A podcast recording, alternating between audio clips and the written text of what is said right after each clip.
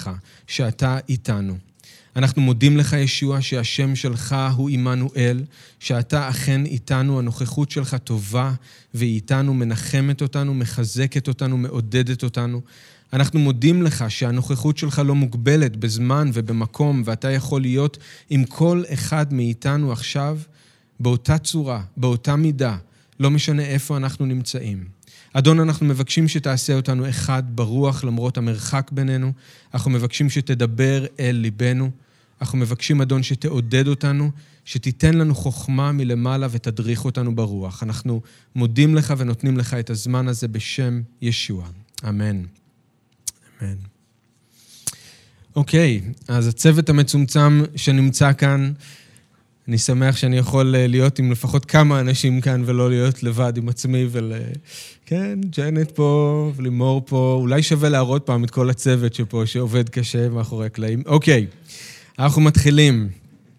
הדרשה של היום, כמו שאמרתי, נוגעת למצב הנוכחי שאנחנו נמצאים בו, והכותרת היא מגפה בידי אלוהים ריבון.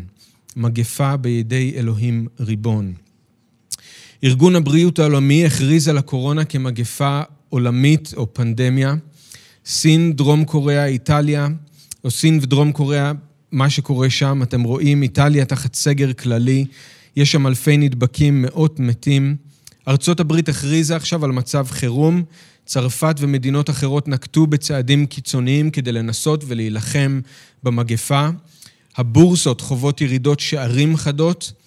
כאן בישראל בהתחלה זה התחיל מהוראות לרחיצת ידיים ולבידוד של כמה אנשים בבית. עכשיו אנחנו במצב שבו כמעט כל המעברים סגורים, אין טיסות כמעט בכלל אל ישראל או ממנה. נתב"ג נמצא בנוהל של יום כיפור. חל איסור על מפגשים של יותר ממאה אנשים במקום אחד, לכן אתם בבית ואנחנו כאן. כל בתי הספר והאוניברסיטאות סגורים. כל הילדים והסטודנטים בבית והיד עוד נטויה. אלפים כבר איבדו את מקום העבודה שלהם, אלפים נמצאים בבידוד בבית, חברות תעופה לפני קריסה, מלונות נסגרים, אולמי אירועים נסגרים. בארץ ובעולם מדברים על משבר, כמו שסטפן כבר ציין, שכמותו אנחנו לא ראינו מעולם. וכנראה שאנחנו גם רק בתחילתו.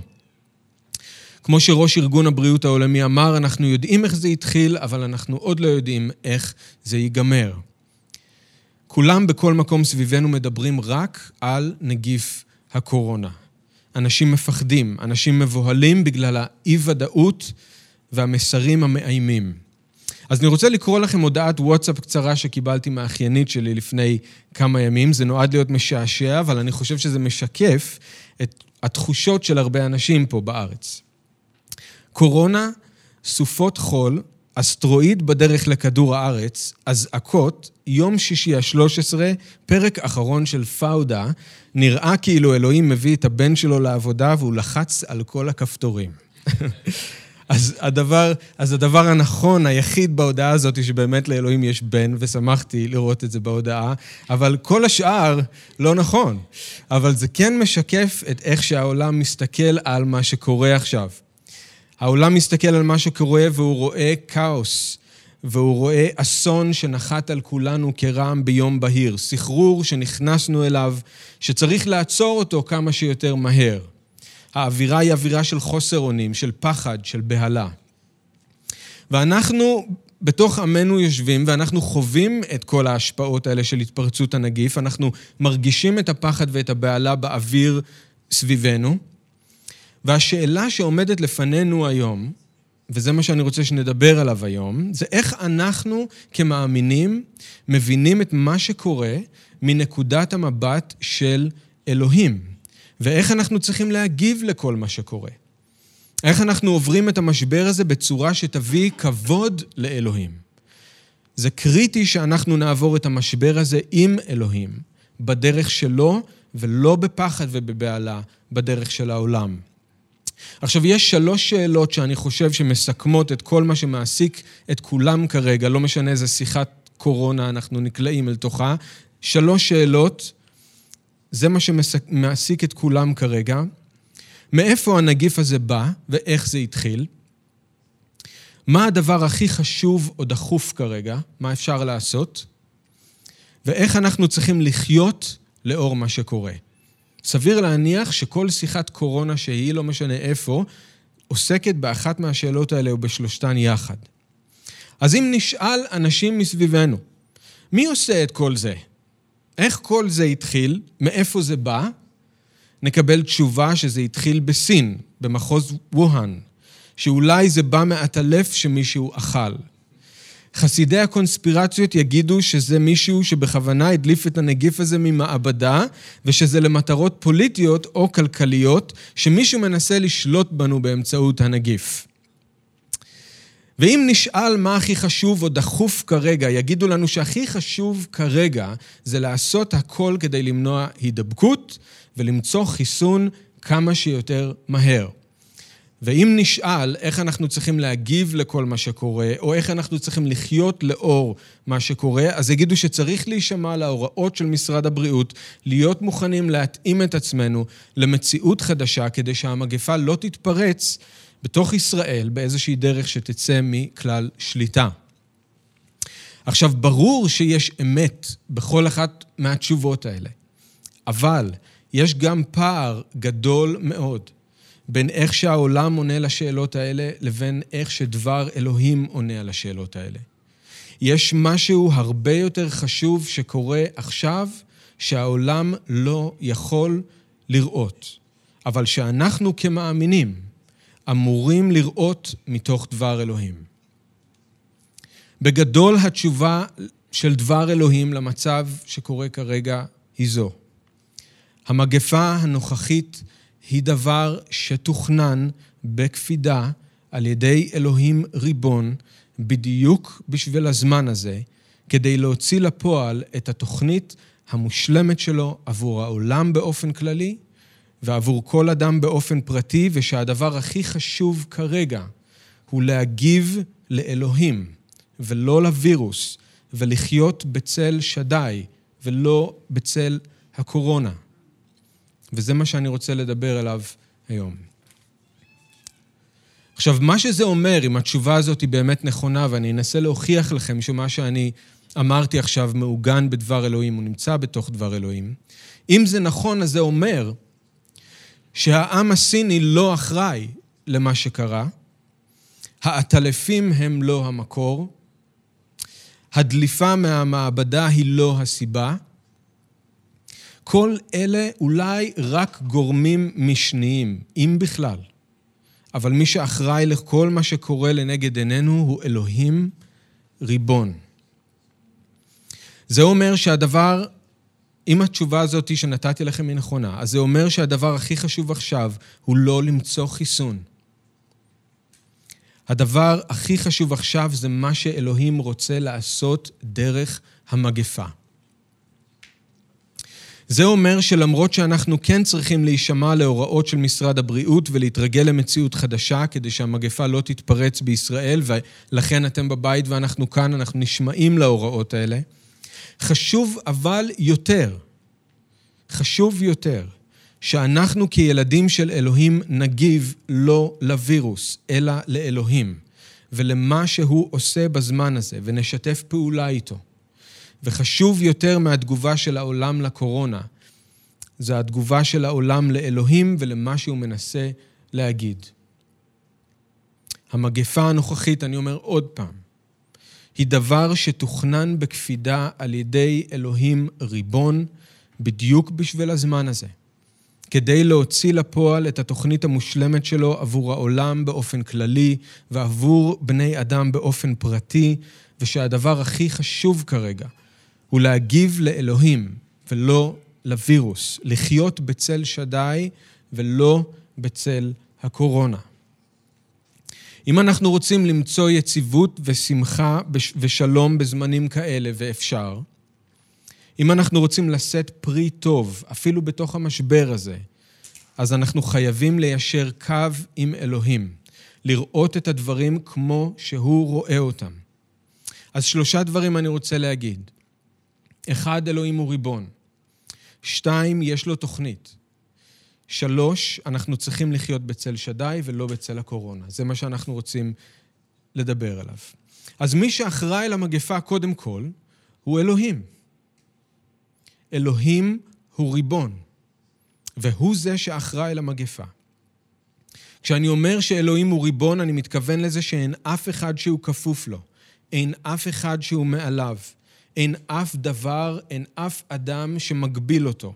הוא עושה את כל מה שהוא רוצה, מתי שהוא רוצה, איך שהוא רוצה, והוא לא מבקש רשות מאף אחד. ואני רוצה שאתם תפתחו תנ"כים, אם אתם יכולים תעקבו, אם לא, אז בסדר, רק תקשיבו, אבל אני רוצה לתת לכם לא מעט פסוקים כדי להוכיח לכם שמה שאני אומר הוא בתוך דבר אלוהים, כי אני יודע שלחלק מכם זה קשה. אבל אני רוצה להראות לכם שזה נכון, וזה חשוב שאנחנו נראה את זה ככה. אלוהים הוא ריבון, הוא אחראי למגפה. אז הדבר הראשון שאני אה, מסתכל עליו זה דברי הימים א', אה, פרק כ"ט, 29, פסוק 10, 10 עד 12. זו הברכה של דוד לעיני כל הקהל. אה, מקום מפורסם, אני מניח שאתם מכירים אותו, אני רוצה רק לקרוא קטע ממנו. דברי הימים א', כ"ט, מפסוק 10. ויברך דוד את אדוני לעיני כל הקהל, ויאמר דוד, ברוך אתה אדוני אלוהי ישראל אבינו, מעולם ועד עולם. ותשימו לב מה הוא אומר על אלוהים.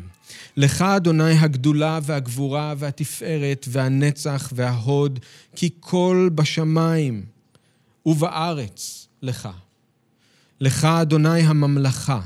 והמתנשא לכל ראש, והאושר והכבוד מלפניך, ותשימו לב, ואתה מושל בכל. אתה מושל בכל. ובידך כוח וגבורה, ובידך לגדל ולחזק לכל.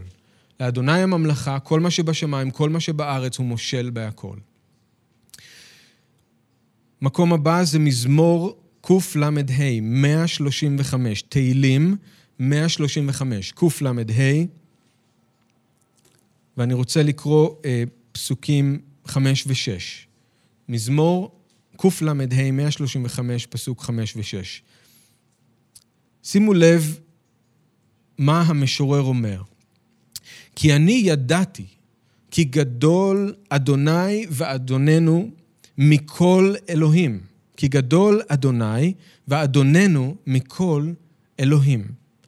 כל אשר חפץ, אדוני עשה. בשמיים ובארץ, בימים וכל תאומות. מה שאלוהים רוצה, קורה. מה שהוא לא רוצה, לא קורה. הוא ריבון, הוא מלך, הוא מושל בהכל, הוא גדול יותר מכל אדון ומכל אלוהים, וכל מה שהוא חפץ הוא עושה. שמואל א', המקום הבא. שמואל א', פרק ב', שמואל א', פרק 2.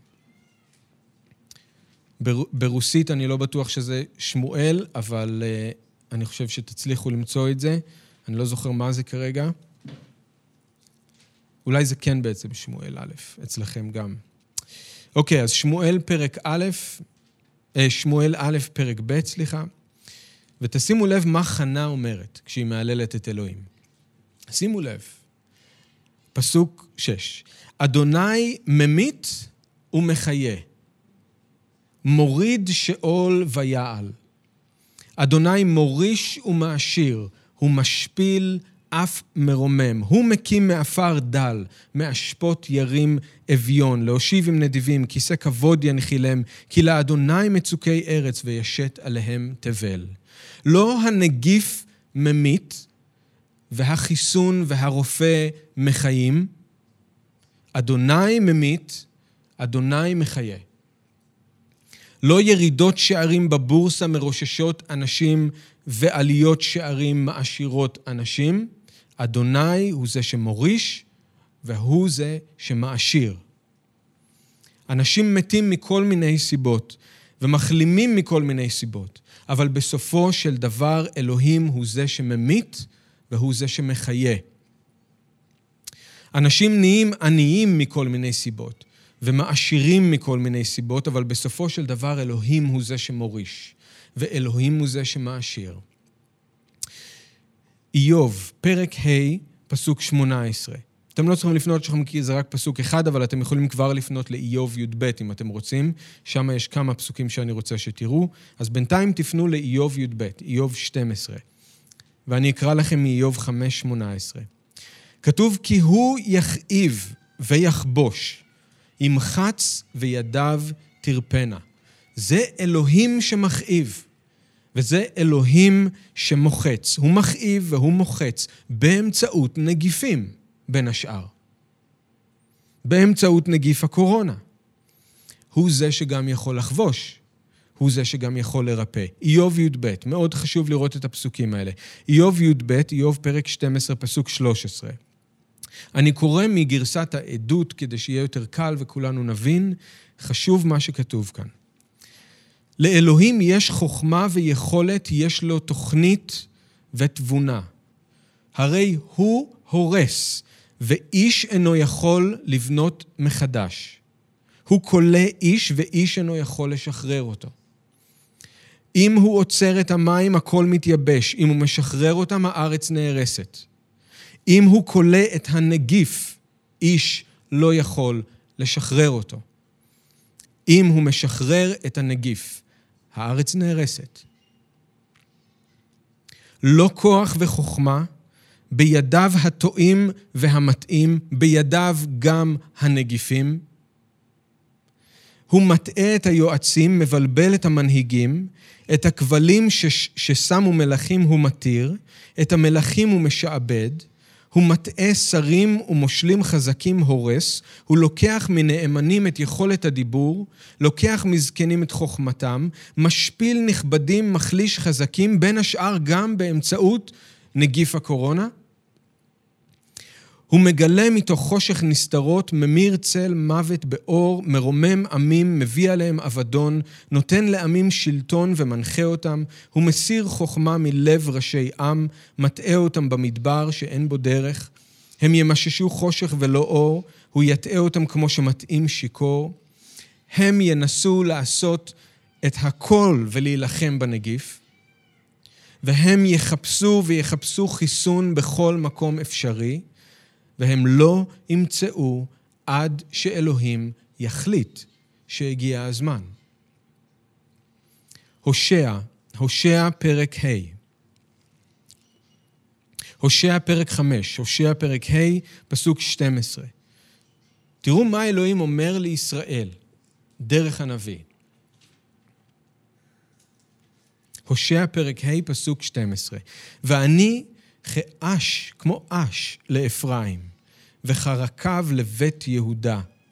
וירא אפרים את חוליו, ויהודה את מזורו, וילך אפרים אל אשור, וישלח אל מלך ירב, והוא לא יוכל לרפוא לכם, ולא יגהה מכם מזור, כי אנוכי כשחה לאפרים, וככפיר לבית יהודה. אני, אני אטרוף. אלך ואשא ואין מציל. אלך אשובה אל מקומי עד אשר יאשמו וביקשו פניי, בצר להם ישחרוני. שימו לב מה אלוהים אומר. אני כמו אש. אני כמו רקב, כמו ריקבון. אני כמו שחל. אני כמו כפיר. אני, אני אטרוף. תראו איך אלוהים לוקח על עצמו את כל האחריות למה שקורה בישראל. ואין ספק שזה קרה דרך כל מיני עמים שבאו ופלשו ו- וגלות וכל מיני דברים. אבל אלוהים אומר, זה אני. אני פועל דרך זה. אני כמו שחל, אני כמו כפיר. והוא אומר, אני אלך ואני אשוב על המקומי עד שהם יבינו כמה הם חוטאים ואשמים, עד שהם יבקשו את פניי, וזה כנראה יקרה רק כשהם יהיו בצרה גדולה מאוד.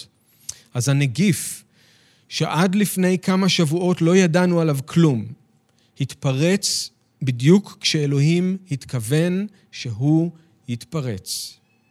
בדיוק באזורים שאלוהים התכוון שהוא יתפרץ בהם, בדיוק במידה שהוא רצה שהוא יתפרץ בו. הנגיף הזה ייעצר בדיוק כשהאדון רוצה שהוא ייעצר, ולא רגע אחד לפני. עכשיו, אל תבינו אותי לא נכון. טוב שנתפלל שהחיסון יימצא ושהמגפה תיעצר, אבל אנחנו חייבים לזכור שזה לא הדבר הכי חשוב. אלוהים לא מכניס אותנו אל תוך צרה רק כדי שהוא יוכל להוציא אותנו ממנה כמה שיותר מהר. זה מגוחך. הוא רוצה לעשות משהו בתוך הצרה הזאת. נחזור לזה תכף. עכשיו, למה חשוב שנהיה בטוחים שאלוהים נושא באחריות המלאה הזאת להתפרצות של הנגיף ולכל ההשלכות שיש לזה, שאנחנו רואים שקורים סביבנו? כי אם לא, תקשיבו טוב, זה מה שאני רוצה שאתם תבינו. אם אלוהים הוא לא ריבון, אם הוא לא אחראי למה שקורה כאן כרגע, אז יש מישהו אחר שכן. אם אלוהים לא מושל בכל, אז יש מישהו אחר שכן. יש מישהו אחר חוץ מאלוהים שהוא בשליטה, ואנחנו בידיים שלו, של אותו איש או של אותו דבר. אבל אם אלוהים בשליטה מההתחלה ועד הסוף, אם הוא מושל בכל מה שקורה, למרות שזה קשה לנו להבין את כל מה שאלוהים עושה, לפחות אנחנו יודעים שאנחנו בידיים של האדון, ולא בידיים של נגיף. אנחנו לא בידיים של אף אדם. אבל אם אלוהים לא ריבון, אז בידיים של מי אתם? בידיים של מי אנחנו? חייבים לדעת, אלוהים ריבון, אלוהים אחראי למה שקורה עכשיו. אבל זה לא מספיק להגיד שאלוהים הוא ריבון ושהוא אחראי למה שקורה. המגפה הזאת לא קורית בלי סיבה. אז מה אלוהים מנסה לעשות דרך המגפה? זו הנקודה השנייה. לאלוהים יש תוכנית. אלוהים רוצה לעשות משהו בתוך המגפה, באמצעות המגפה. עכשיו, בשביל העולם הדבר הכי חשוב והכי דחוף, כמו שאמרנו, זה למצוא חיסון ולגמור עם הסיוט הזה כמה שיותר מהר. מבחינת אלוהים, הדבר הכי חשוב והכי דחוף זה שהרצון שלו ייעשה בזמן הזה. אפשר להגיד שהכי חשוב לאלוהים זה שהמגפה הזאת לא תשוב אליו ריקם, אלא שהיא תשלים את כל אשר הוא שלח אותה לעשות. והתוכנית של אלוהים היא תמיד טובה. הרצון של אלוהים הוא תמיד טוב. הוא אור וכל חושך אין בו. הוא אהבה. המגפה נועדה להוציא לפועל את התוכנית הטובה של אלוהים בשביל העולם, ולפעמים זאתי הדרך היחידה. סי.אס לואיס אמר, אלוהים לוחש אלינו בזמנים הטובים. הוא מדבר אלינו דרך המצפון שלנו, אבל הוא צועק, הוא צועק בכאב שלנו. הכאב הוא המגפון של אלוהים, שבאמצעותו הוא מנסה לעורר עולם ישן, אמר סי.אס לואיס. הכאב, הסבל, נגיף הקורונה, זה המגפון של אלוהים. הוא צועק עכשיו, אלוהים צועק עכשיו, והוא מנסה לעורר עולם ישן. אז יותר חשוב מחיסון זה שנשמע את אלוהים ולא נפספס את מה שהוא עושה. אנחנו לא יכולים לדעת את כל מה שאלוהים עושה בזמן הזה. רומים פרק י"א, 33, שאול אומר לנו, מה עומק עושר האלוהים? מה עומק חוכמתו ודעתו? אין חקר למשפטיו, אין משיג את דרכיו. מי תיקן את רוח אדוני ואיש עצתו יודיענו. אנחנו לא יכולים לדעת לגמרי את כל מה שאלוהים מנסה לעשות עכשיו בתוך המגיפה. אבל יש כמה דברים מתוך דבר אלוהים שאנחנו כן יודעים שאלוהים עושה בזמנים כאלה. אני רוצה לציין רק שלושה דברים, יש הרבה יותר כמובן. דבר ראשון, כמו הציטוט שקראנו של סי.אס לואיס, דרך המגפה אלוהים מנסה לעורר עולם ישן. הוא קורא לבני אדם לחזור בתשובה ולתפוס מחסה בישוע, כי רק בו יש ביטחון אמיתי ועוגן יציב. רק הוא נשאר עומד איתן בלב הסערה. המגפה, תקשיבו, המגפה הזו נועדה להראות לעולם שאין ביטחון אמיתי בשום דבר. בגלל זה המגפה הזאת היא עכשיו קורית. אלוהים צועק, הוא רוצה להראות לעולם אין ביטחון בכלום. אין ביטחון בבריאות, נגיף אחד קטן יכול לגרום לגוף לקרוס ברגע. וכל העולם עם כל הטכנולוגיה ועם כל החוכמה לא מצליח להשתלט עליו. אין ביטחון בכסף או רכוש, המגפה הראתה לנו כמה בקלות הכל יכול ללכת לאיבוד. וככה גם עם עבודה ומשפחה וחברים, שום דבר לא בטוח. הכל חול.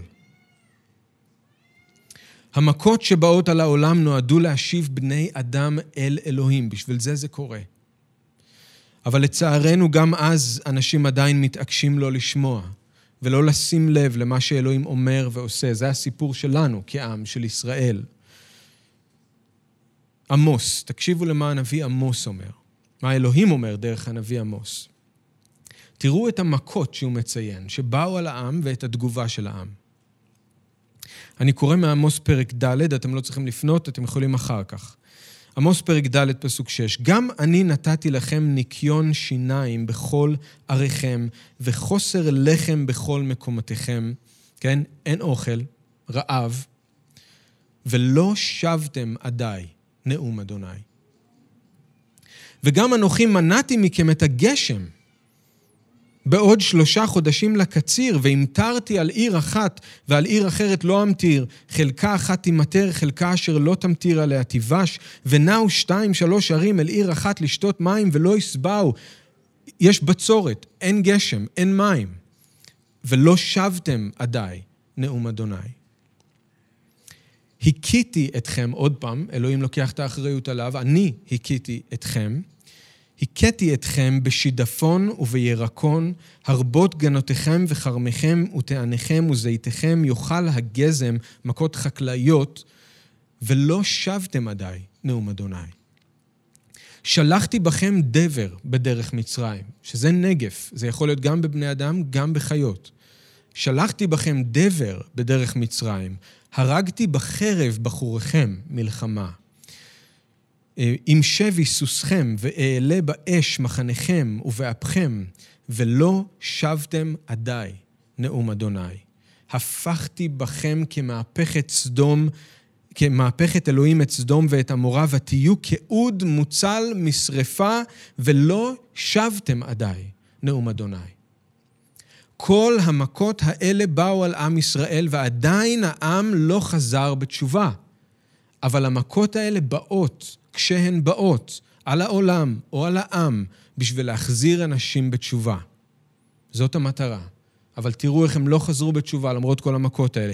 ואנחנו יודעים מספר התגלות, שגם בקץ הימים כשהמכות יגיעו לשיא ולעוצמה, שלידם הקורונה זה יהיה משחק ילדים, גם אז בני אדם לא יחזרו בתשובה ולא יקשיבו לאלוהים.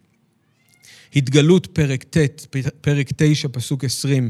שאר האנשים אשר לא נהרגו במכות האלה, בכל זאת לא שבו ממעשי ידיהם, ולא נמנעו מהשתחוות לשדים ולאלילי זהב וכסף ונחושת ואבן ועץ, אשר אינם יכולים לראות, אף לא לשמוע ולהלוך, ולא שבו מרציחותיהם, אף לא מכישופיהם, מתזונתם ומגנבותיהם. גם אז הם לא ישובו. התגלות פרק ט"ז, 16, קערות הזעם של אלוהים שנשפחות, שפך הרביעי את קערתו על השמש ונתן לו לצרוב את האנשים באש. נצרבו האנשים בחום גדול, ומה הם עשו? הם גידפו את שם אלוהים, אשר לו השלטון על המכות האלה. עוד פעם, אלוהים הוא זה שריבון, הוא שולט על המכות האלה. אבל הם נצרבו, הם נצרבו באש, בחום, סבלו, והתגובה שלהם הייתה לגדף את השם של אלוהים, ולא חזרו בתשובה ולא נתנו לו כבוד. אותו פרק, פסוק 10, החמישי שפך את קערתו על כיסא החיה וחשכה מלכותה. הם נשכו את לשונם מכאב וגידפו את אלוהי השמיים ממכאובם ושכינם, ולא שבו ממעשיהם. אותו פרק, פסוק 21, ברד גדול ומשקלו כ-40 קילוגרם ירד מן השמיים על בני האדם, ובני האדם גידפו את אלוהים בגלל מכת הברד, כי גדולה מאוד מכתו. אז דרך המגיפה, דרך המכות, אלוהים מנסה לעורר עולם שהוא ישן. הוא צועק דרך הכאב. הוא צועק לנו דרך הקורונה והנגיף וכל מה שזה מביא. הוא צועק, אלוהים צועק. הוא מנסה להחזיר אנשים בתשובה, להחזיר אנשים אליו, אבל אנשים לרוב לא שומעים. אז אנחנו צריכים להתפלל לאוזניים שומעות ולעיניים רואות בזמן הזה, ולב שמבין ושב ומוצא רפואה. אבל בשביל זה יש לנו את הקורונה. בשביל זה יש את הנגיף הזה כאן עכשיו. הוא מנסה להחזיר אנשים אליו. עוד משהו שאלוהים עושה דרך המגפה. דרך המגפה אלוהים רוצה לטהר ולבנות את הקהילה שלו. אלוהים דרך המגפה מטהר את הכלה שלו, אותנו, כל אחד מאיתנו. באמצעות המגפה, מה הוא עושה?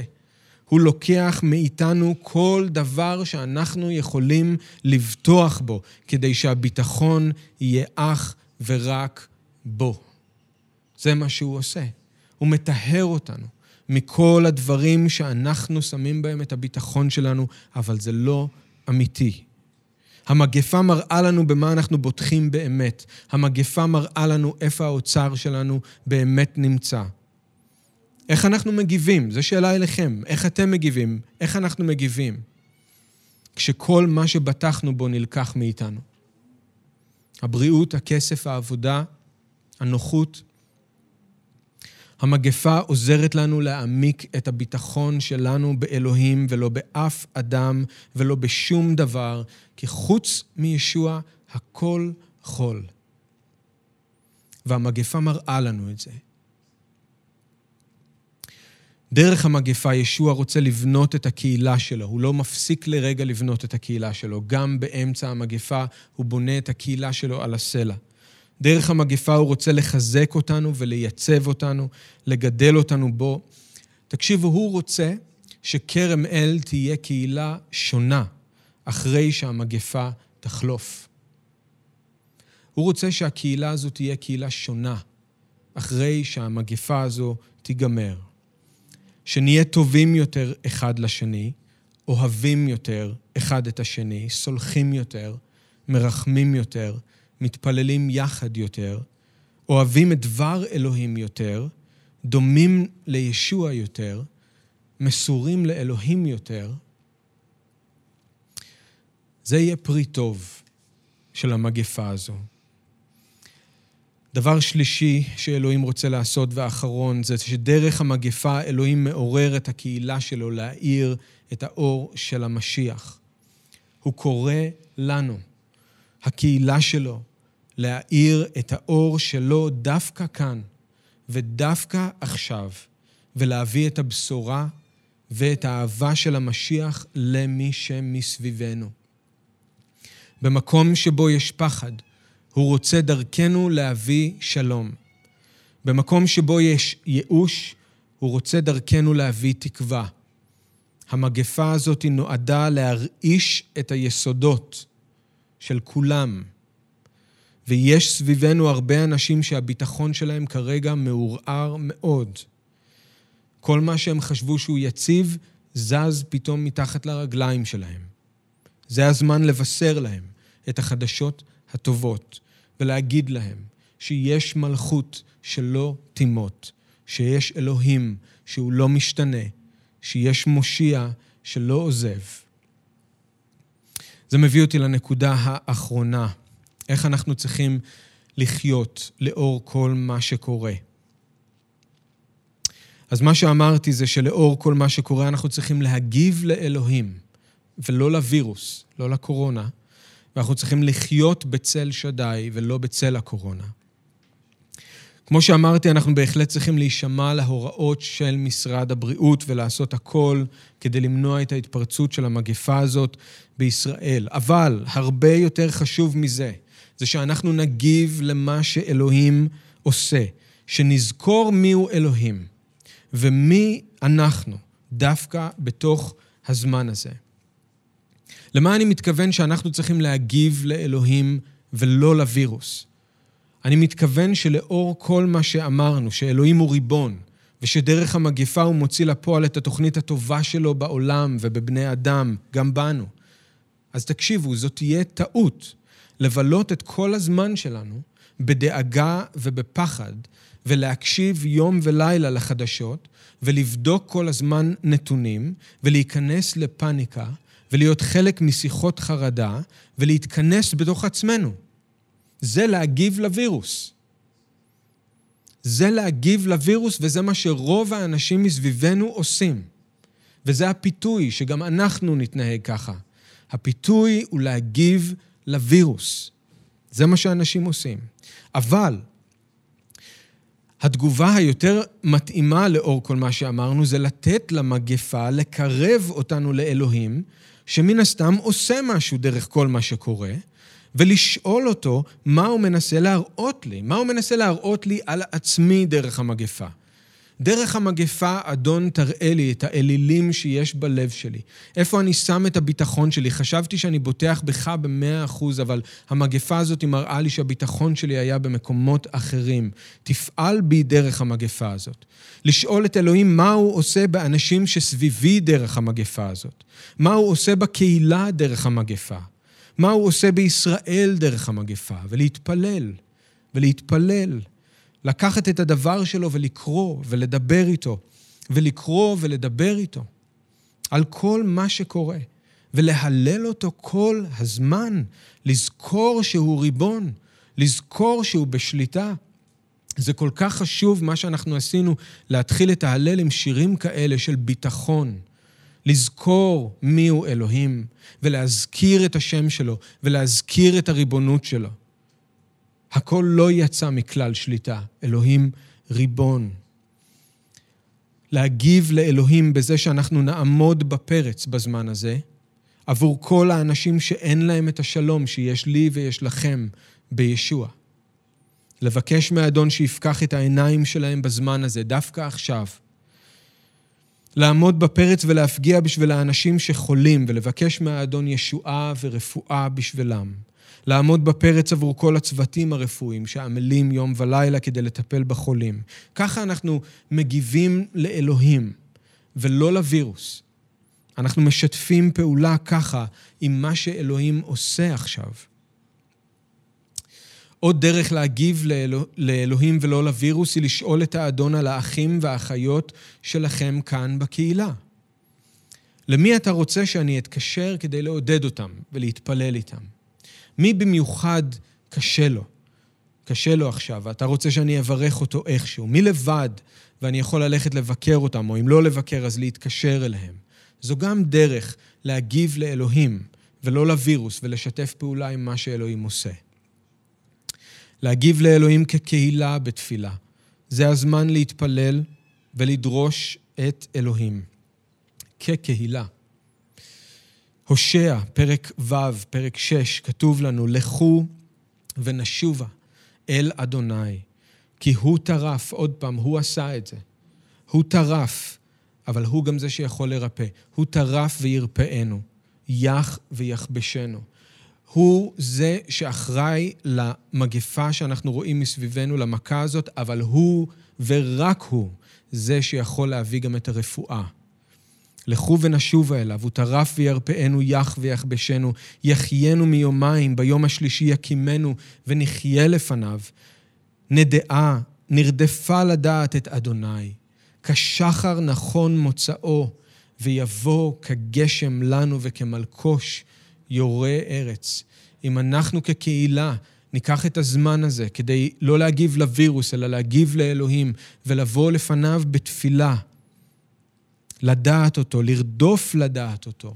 ההבטחה היא כשחר נכון מוצאו. כמו שאתם יודעים שמחר בבוקר השמש תזרח, ככה אתם יודעים שכשאתם באים לדרוש את פני אלוהים, הוא יימצא לכם. והוא יבוא כגשם לנו, וכמלקוש יורה ארץ, וזה בתפילה. בתפילה. אנחנו לא יכולים להתאסף ביחד, אבל אנחנו נחשוב על דרכים אחרות, איך לעמוד בתפילה ביחד כקהילה, באמצעות הטכנולוגיה שעומדת לרשותנו בקבוצות מאוד קטנות. נראה מה נעשה. הדבר האחרון, ועם זה אני מסיים, לחיות בצל שדי ולא בצל הקורונה. מה זה אומר? כתוב לנו במזמור צדיק א', תהילים 91, יושב בסתר, אל, בסתר עליון, בצל שדי התלונן.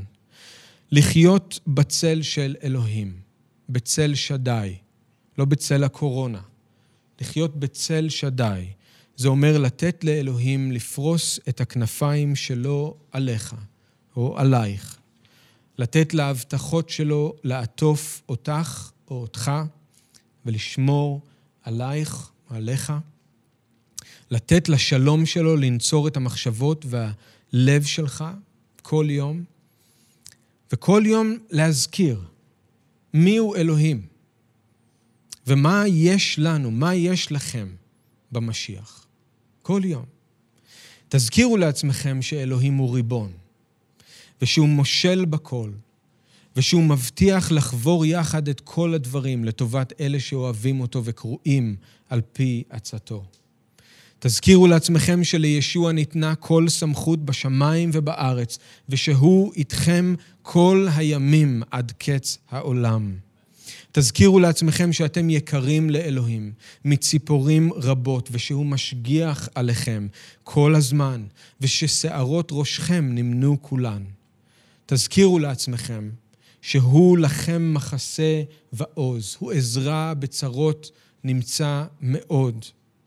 תזכירו לעצמכם שפעם הייתם כצאן עובדות, אך עתה שבתם אל הרועה השומר את נפשותיכם. תזכירו לעצמכם שהבן שחרר אתכם לחופשי ולכן אתם חופשיים באמת. תזכירו לעצמכם שיש לכם כהן גדול שמפגיע בעדכם. תזכירו לעצמכם שלמרות הקושי והצרות, בעזרת האוהב אותנו, בעזרת האוהב אתכם, אתם יותר ממנצחים. תזכירו לעצמכם ששום דבר לא יכול להפריד אתכם מאהבת אלוהים, שבמשיח ישוע אדוננו, לא המוות ולא החיים, לא אף נגיף. אז כרם אל, זה הזמן להרים את הראש ולהתעודד, כי קרבה גאולתנו. זה הזמן להיות ערים ולהתפלל. זה הזמן להתחזק באמונה. אני מזכיר לכם שלא קיבלתם רוח של פחד לשוב אל העבדות, אלא רוח של אהבה ושל גבורה ושל יישוב הדעת. עכשיו לא הזמן לפחד ולא הזמן להיבהל, אלא להתחזק ולהתעודד ולהרים את הראש, אלוהים איתכם. בעולם צרה לכם, אך התעודדו, ישוע ניצח את העולם. אז בואו נזכור, המגפה הנוכחית היא דבר שתוכנן בקפידה על ידי אלוהים ריבון, בדיוק בשביל הזמן הזה, כדי להוציא לפועל את התוכנית המושלמת שלו עבור העולם באופן כללי, עבור כל אדם באופן פרטי. ושהדבר הכי חשוב כרגע הוא להגיב לאלוהים ולא לווירוס, ולחיות בצל שדי ולא בצל הקורונה. בואו נתפלל ביחד. אבא יקר, אנחנו רוצים להודות לך שבדבר שלך יש את כל מה שאנחנו צריכים כדי לצלוח כל קושי וכל צרה וכל מצוקה. ואנחנו מסתכלים מסביבנו והעולם אומר לנו שאנחנו נמצאים בתוך כאוס, שאנחנו נמצאים בסחרור שצריך לעצור אותו כמה שיותר מהר, שהדבר הכי חשוב הוא למצוא חיסון, אבל הערב, אדון, אנחנו נושאים את העיניים שלנו אליך. אתה אלוהים ריבון, וכל מה שקורה, קורה בגלל שאתה רצית שכך יקרה, כי זה חלק מהתוכנית המושלמת שלך. גם אם לא הכל מובן ולא הכל ברור, אנחנו לא בידיים של אף נגיף, אנחנו לא בידיים של אף אדם, אנחנו בידיים שלך, אלוהים ריבון. אתה דואג לנו, אתה אוהב אותנו, אתה לנו מחסה ועוז, אתה לנו שמש ומגן, ואנחנו בטוחים בך. אדון, אנחנו מתפללים שליבנו ימשיך להיות סמוך ובטוח בך, ולא יירא משמועה רעה. אנחנו מודים לך ומברכים אותך בשם ישוע. אמן.